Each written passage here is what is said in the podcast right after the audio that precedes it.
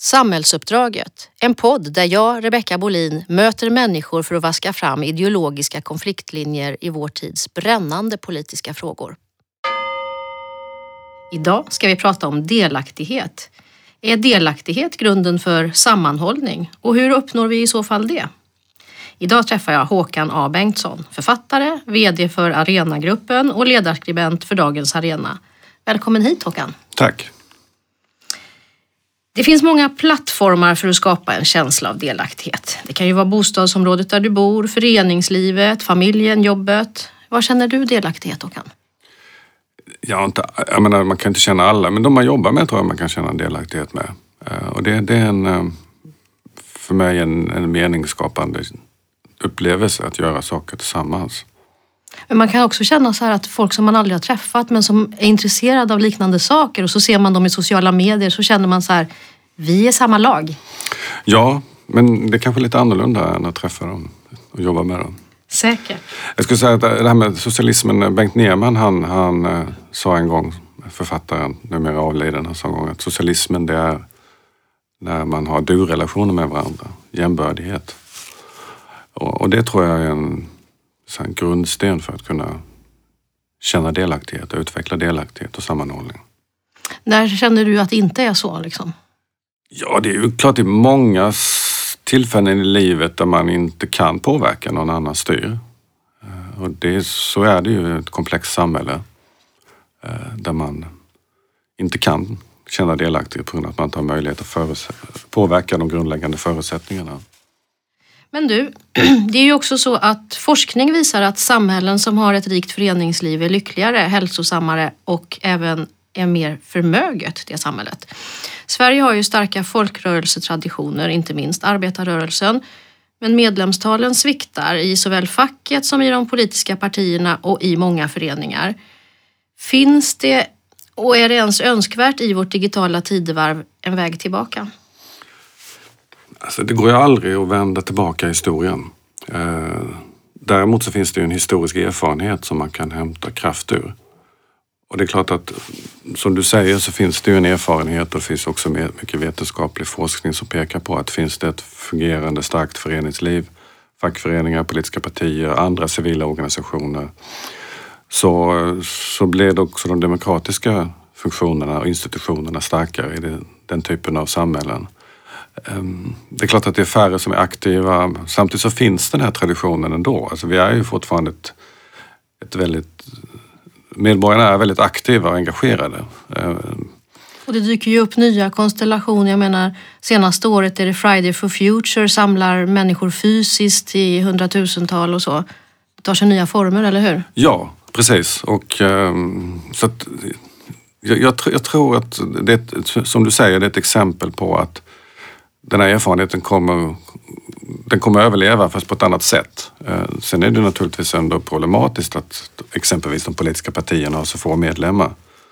Det kan man inte sticka under stol med och eh, även fackföreningarna har ju tappat medlemmar eh, i Sverige, även om vi ligger väldigt högt i Sverige. Jag tror fortfarande vi ligger absolut i topp, men det är ändå så att det finns en nedåtgående trend som är oroväckande. Det finns många skäl till det naturligtvis, inte minst att arbetsmarknaden har förändrats och det är svårare att organisera med många små arbetsplatser och otrygga anställningar och så vidare. Så det finns, det finns en utmaning här. Ehm, inget kan tas för givet. Det är inte säkert att det som, det som var framgång igår är framgång imorgon. Så det är också en politisk eh, uppgift att se till att de här föreningarna, fackföreningar, politiska partier kan bli mer livskraftiga. Ehm, man kan konstatera hoppingivande att de fackliga organisationerna har vunnit många nya medlemmar under coronakrisen. Så nu, det här året kommer de säkert överlag att få fler medlemmar även 2019. Så att, eh, saker och ting kan förändras åt båda hållen men det, det, i grunden handlar det om förmågan att organisera människor och engagera människor. Ja, om vi stannar upp lite det här med, det är ju positivt för, för den politiska kampen och så, men, men vi stannar upp vid det här att om man är delaktig och aktiv i en förening så tenderar man att vara mindre cynisk och mer empatisk inför andras olycka. Kanske för att människor som står utanför sociala sammanhang inte kan stämma av sina resonemang med andra. vilket kan leda till att man missförstår och feltolkar omgivningen. Jag tänker så här att tonläget i digitala möten som i sociala medier, det blir ofta hårdare. Eller omvänt, ett ganska tomt hjärta eller tummen upp än de mer komplexa samtal som vi har i verkliga livet.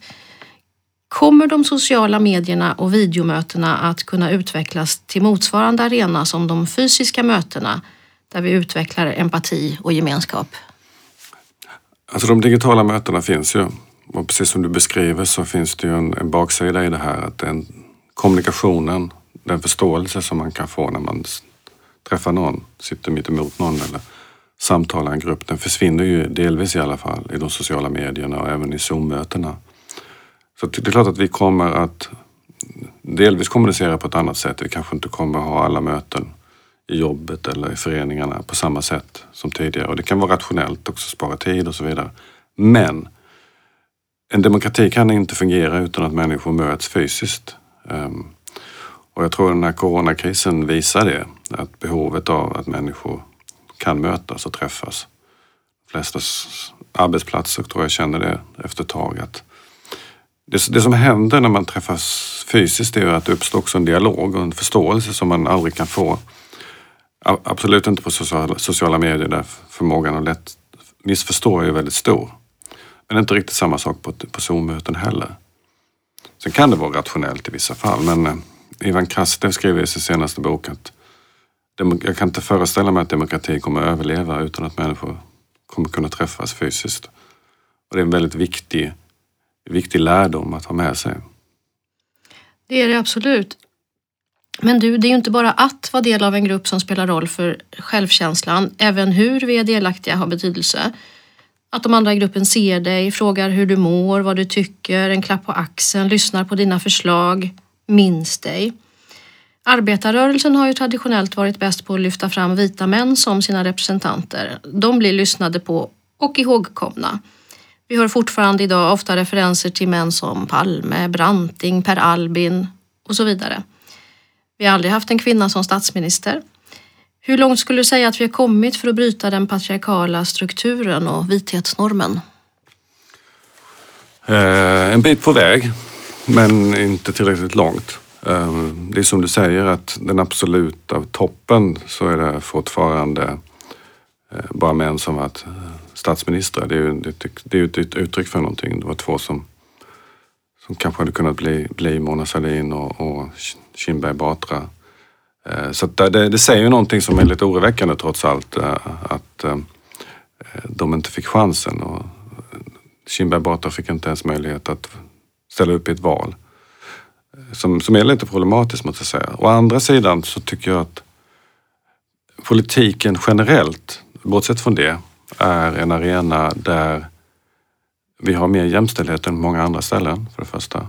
Eh, det är många kvinnor det, är liksom, det går inte att tänka sig en regering utan 50 procent kvinnor. Eh, även om det kanske delvis kanske förändras med Sverigedemokraterna som har mer män. Eh, men det är ändå så att alla partier eh, har kvinnor på ledande positioner. Du är inte orolig för att det är någonting som kan rullas tillbaks utan du tror att det, det där är cementerat? Nej, det, inget är säkert men jag konstaterar ändå då att det är så många partier som har kvinnliga partiledare för det första. Ehm, och, ehm, och på centrala positioner. Så det, just i politiken tror jag att det har, det har hänt något strukturellt faktiskt. Eh, när det gäller representation för personer som är födda i ett annat land och kanske speciellt utanför Europa så ser det väl inte lika bra ut men det, det är ändå, man kan ändå konstatera att eh, eh Liberalerna har Sabuni som partiledare eh, och Vänsterpartiet kommer att ha Nooshi Dadgostar som partiledare om allt, alla tecken i skyn faller in. Så det, det, det, det, det tycker jag ändå säger någonting. Och det finns också ett antal personer i, i regeringen som har utomeuropeisk bakgrund. Så att, och om du tittar exempelvis på nästa generation, och jag tänker se det till ungdomsförbunden, så är det nog ganska många med utländsk bakgrund som kommit fram.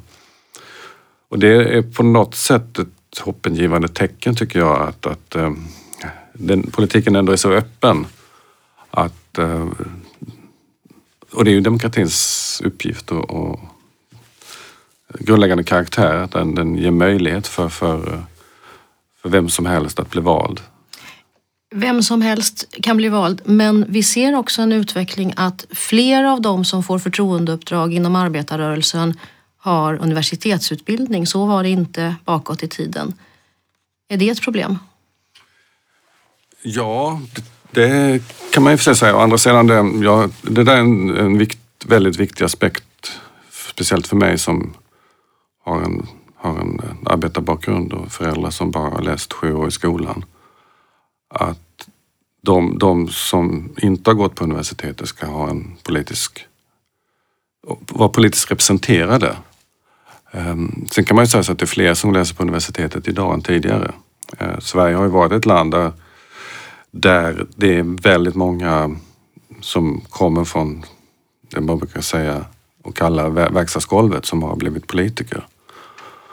Och vi har ju en, en statsminister som är gammal metallarbetare, vilket är relativt unikt får man säga.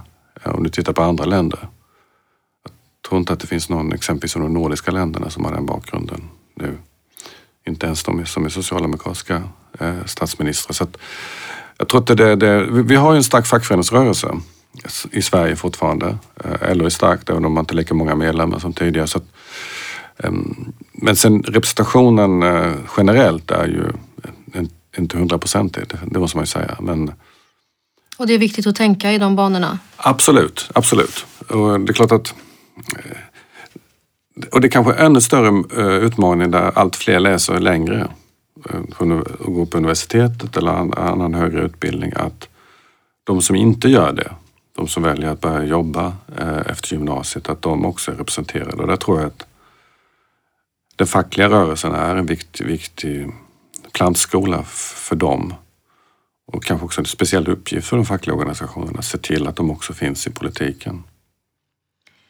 Nu har vi pratat lite om eh, politiken och facket som eh, arenor för delaktighet men jobbet är ju också eh, en viktig grund för att känna delaktighet och alla som någon gång har varit arbetslös vet hur snabbt en känsla av att inte höra till, att inte ha ett värde kan sätta sig i de egna tankarna. Arbetarrörelsen har ju full sysselsättning, en politik som möjliggör det som ett av sina huvudspår. Hur viktigt är det? Det är en grundpelare skulle jag vilja säga för, för möjligheten för, för alla att kunna känna delaktighet och sitt fulla medborgarskap i någon mening. Eh, och det är klart att nu har vi haft en ganska hög arbetslöshet under lång tid. Eh, nu kommer den gå upp ytterligare. Ehm, full sysselsättning på 70-talet definierades, definierades kanske på 2 procent och nu handlar det om 4, 5, 6, förmodligen nu på 10 procent nästa år.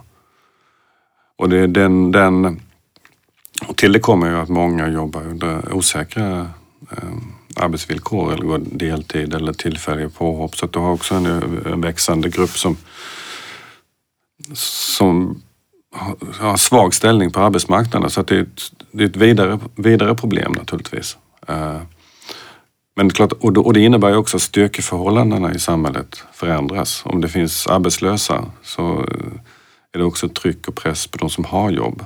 Eh, vi ser ju hela diskussionen som innebär att eh, man måste sänka villkoren, sänka lönerna för att de här ska få jobb. Alltså det, det, är en, det är en negativ spiral som används av många politiker eh, på den borgerliga sidan för att eh, pressa tillbaka många av de landvinningar som, som arbetarrörelsen har åstadkommit. Så det där är, skulle jag säga, en grundpelare. Låg arbetslöshet innebär att de som har jobb och de som inte har jobb får en starkare ställning, starkare position lättare att upprätthålla välfärdsmodellen, det är lättare att ha bra ersättningssystem och så vidare. och så vidare. Så att, um, välfärdsmodellen kommer inte se likadan ut om vi permanentar arbetslösheten på den här nivån eller ännu högre på sikt. Du nämner det här med coronapandemin och eh, den stigande arbetslösheten. Det kan ju rent av vara så att vi är på väg in i en depression. Men även innan coronakrisen som vi pratade om så har vi ju varit väldigt långt ifrån målet med full sysselsättning. Eh, hur allvarligt skulle du säga att det är för samhället, människorna, för ekonomin? Ja, det är, eh, jag skulle säga den största utmaningen vi har. Eh, att, att få, få ner arbetslösheten så till... Större utmaning än klimatet. Nej, jag vill inte gradera det. Men Du om gjorde du tänk, just det. Eller den största. Eller? Ja, man ska akta sig för den typen av ord kanske. Eh, Det, det är en existentiell fråga för hela klotet naturligtvis, klimatet. Men en av eh, de stora menar du, den riktigt det är en av de viktiga. stora, Mm. alltså, eh, mycket, mycket kommer att falla ut mer positivt med lägre arbetslöshet. Hela diskussionen kommer se annorlunda ut om skatter, om välfärd. Eh, Det är inte bara det att vi får fler jobbare och därmed högre inkomster och mer skatteintäkter utan också att ja, maktförhållandena i samhällen och på arbetsplatserna och i arbetslivet kommer se annorlunda ut helt enkelt. Och det, det, det, det är en ideologisk grundkonflikt skulle jag vilja säga som, som, eh, som skär mellan höger och vänster fortfarande. Det finns ju all anledning att vara rädd för massarbetslöshet. Vi vet ju efter första världskriget när det var massarbetslöshet i Europa, inte minst i Tyskland och Italien, vad som hände då. Eh, inte minst nazismen hade en dragningskraft på arbetslösa män framför allt. Eh, och av historien vet vi att arbetslösa människor och framförallt män lättare lockas till destruktiva rörelser. Vad kan och bör vi lära oss av det? Det är, det är väl den stora lärdomen av den tiden som, eh, som eh, ehm, vi måste ha i i åtanke i allt vi gör egentligen. Man kan ju redan säga att vi hade en stor finanskris 2008 eh, och även om Sverige ändå klarade sig relativt väl, eh, återhämtade sig snabbt jämfört med många andra länder. Men dock, vi har en hög, alldeles för hög arbetslöshet i botten. Men om man tittar på många av de länder som, eh, som inte hade något trygghetssystem som vi har, som eh, klarade sig sämre, Sydeuropa, eh, Frankrike, England, USA. Jag skulle jag säga att många av de politiska konvulsioner som vi har sett och haft, eh, exempelvis att, att USA kunde välja Donald Trump till, till eh, president eller Brexit i Storbritannien, framväxten och frammarschen av olika högerextrema partier i Europa har att göra med den sociala och ekonomiska oro som skapades av finanskrisen. Och det jag ser framför mig och är orolig för det är ju att coronakrisen, som i alla fall på kort sikt innebär ett ännu större tapp. Kommer att ha ett BNP-tapp i världsekonomin som vi aldrig någonsin tidigare haft. Eh, och eh, den, om om, om det, det blir normen de kommande åren, om vi inte så, så vänder den ekonomiska utvecklingen ganska snabbt så kan jag är rädd för att det som vi såg efter 2008 kan slå ut ännu värre efter coronakrisen. Nu ser ju Magdalena Andersson ut att öppna plånboken rejält här i höstbudgeten. Det är en historiskt eh, expansiv höstbudget. Är det tillräckligt? Det vet jag inte, men det är klart att ehm, Sverige har ju i sig möjligheter att göra detta. Vi har en relativt stark, stark eh, ekonomi. Eh, hade inte så hög skatt, statsskuld så det kostar inte så mycket för Sverige. Eh, men om det räcker det, det är jag tveksam till. Det vi förmodligen kommer vi ha ganska hög arbetslöshet och det är också så att om andra länder eh, får en negativ ekonomisk utveckling så påverkar det också Sverige. För att man är, vi är beroende av varandra. Eh, vi handlar av varandra. Vi, vi, om det går dåligt för ett annat land så påverkar det också Sverige och så vidare. Så att jag, jag kan inte säga, jag, jag kan inte bedöma om det räcker oavsett vilket. Oavsett om man satsar 100 eller 150 miljarder så kommer vi att ha stora problem skulle jag säga.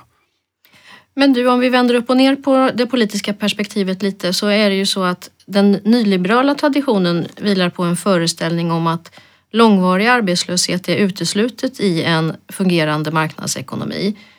De tänker att utbud och efterfrågan automatiskt kommer att hitta ett jämviktsläge. Lönerna måste därför kunna gå upp men kanske framförallt också ner. Och facket betraktas i det sammanhanget som ett hinder mot marknadskrafterna. Arbetslösheten skyller man mycket på att facket kräver för högna, höga löner. Har de en poäng? Nej, i grunden har de inte det. ehm, skulle jag säga. Det här mantrat om enkla jobb och man måste få foten in och Nej, i grunden tror jag, det, det visar ju erfarenheterna från 20 och 30-talet. Att, att eh, risken är mycket stor att man istället hamnar i en ännu djupare depression, vilket då hände. Eh, så att i grunden så, så är det en, en felsyn. Den, idén är ju att bakom det nyliberala sättet att se på alla marknader är ju att de är självreglerande. Så om du inte har några, några liksom regleringar eh, på någon marknad så blir det balans. Det är ju samma argument som används för att säga att vi ska ha marknadshyror eh, eh, för hyresrätter. Eh, då, då har man en föreställning om vi bara genomför det så kommer det bli balans. Då kommer utbud och efterfrågan att mötas. Um, och, så, så, det, det, är mycket möjligt att det är så på lång sikt. Men som John Maynard Keynes sa, in the long run we're all dead. Eh, det är på så lång sikt så att det det är liksom meningslöst att tänka så. Och samma sak med arbets, arbetsmarknaden.